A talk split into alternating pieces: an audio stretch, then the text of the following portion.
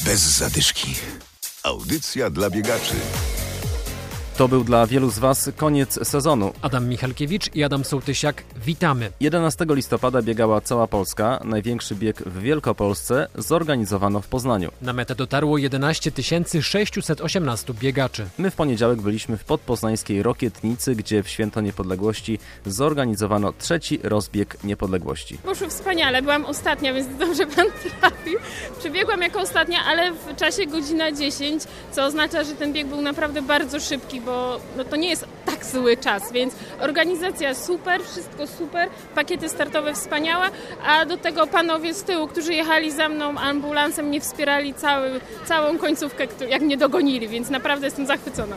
To fajny pomysł, żeby właśnie w taki sposób świętować odzyskanie niepodległości, na biegowo, na sportowo. Już chyba trzeci czy czwarty raz na sportowo, więc jakby to się stało moją tradycją. Zawsze bieg niepodległości. Pierwszy raz w Rokietnicy, wcześniej w Luboniu. Doping na trasie był? E, tak, oczywiście, wspaniały i widzieli to, że jestem ostatnia i bili brawo, dasz radę i tak dalej, więc jak najbardziej wspaniale.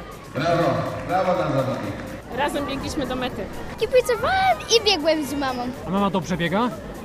Dobrze. Bieg niepodległości to idealny moment na start także dla osób, które na co dzień nie biegają i nie trenują. Rozmawialiśmy z panem Darkiem. Chciałem świętować, chociaż tam kilka razy przebiegłem się w ostatnim miesiącu. Pierwszy pana w ogóle bieg w historii w życiu? Nie, nie, nie. Tam kiedyś też już miałem taki pierwszy, więc to może powiedzieć drugi. Pochwali pan się wynikiem, czy nie ma się czym chwalić? Jakieś 55 e, z czymś. Więc ja się cieszę. Poniżej godziny jestem bardzo zadowolony. Trasa dobra? Dobra, dobra. Myślałem, znaczy wiedziałem o tym, bo znam ten teren, że tam jakieś będą podbiegi, ale, ale dobra. Trasa w Rokietnicy była bardzo szybka, choć nie miała atestu i ostatni kilometr był trochę za krótki. Dla nas to także był udany start, z wyników jesteśmy zadowoleni. Są życiówki. Czasami organizm potrafi zaskoczyć pozytywnie.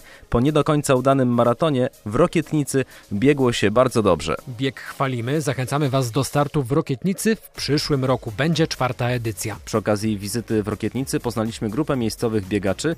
Prezes Stowarzyszenia Rokietnica Biega Marek Stachowiak. Zawiązaliśmy taką grupę biegowych pasjonatów. Generalnie chodzi o to, żeby zintegrować rokietnicką społeczność biegową. Mamy około 40 członków. Wspólne treningi także są.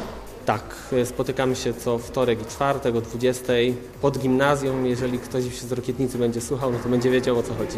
Jest gdzie biegać w gminie. E, Głównie ścieżki asfaltowe bądź kostki brukowe, ale plus jest taki, że mamy dość blisko do lasów, chociażby pobieganie na Strzeszynku no to jest 6 km, więc dla doświadczonego biegacza to nie jest daleko. Teraz wielu z Was zmniejsza liczbę treningów. Nie oznacza to jednak, że w kalendarzu biegowym Wielkopolski nic się nie dzieje. Bez zadyszki.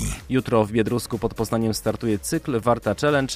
Składa się na niego 5 półmaratonów i 5 maratonów. Komandor biegu Krzysztof Pilarski. To zimowy cykl biegów organizowany na nadwarciańskiej trasie między Biedruskiem a Poznaniem Naramowicami. Co miesiąc od listopada do marca spotykamy się, żeby pokonywać dystans maratonu i półmaratonu. Jest to jedyny cykl biegów długodystansowych w Polsce. Poza krótszymi dystansami i darmowymi parkranami to jest nadal jedyny cykl biegów długodystansowych, który odbywa się w lesie. Start biegu jutro o godzinie 10, a drugi bieg cyklu 7 grudnia. W ten weekend zapraszamy Was także do Czerwonaka pod Poznaniem w sobotę Grand Prix Dziewiczej Góry w biegach górskich, a w niedzielę w Ostrowie Wielkopolskim szósta Ostrowska Jesień Biegowa. W ramach imprezy odbędą się biegi na dystansach 42, 15, 10 oraz 5 kilometrów. Bez zadyszki. Audycja dla biegaczy. Znajdź nas na Facebooku.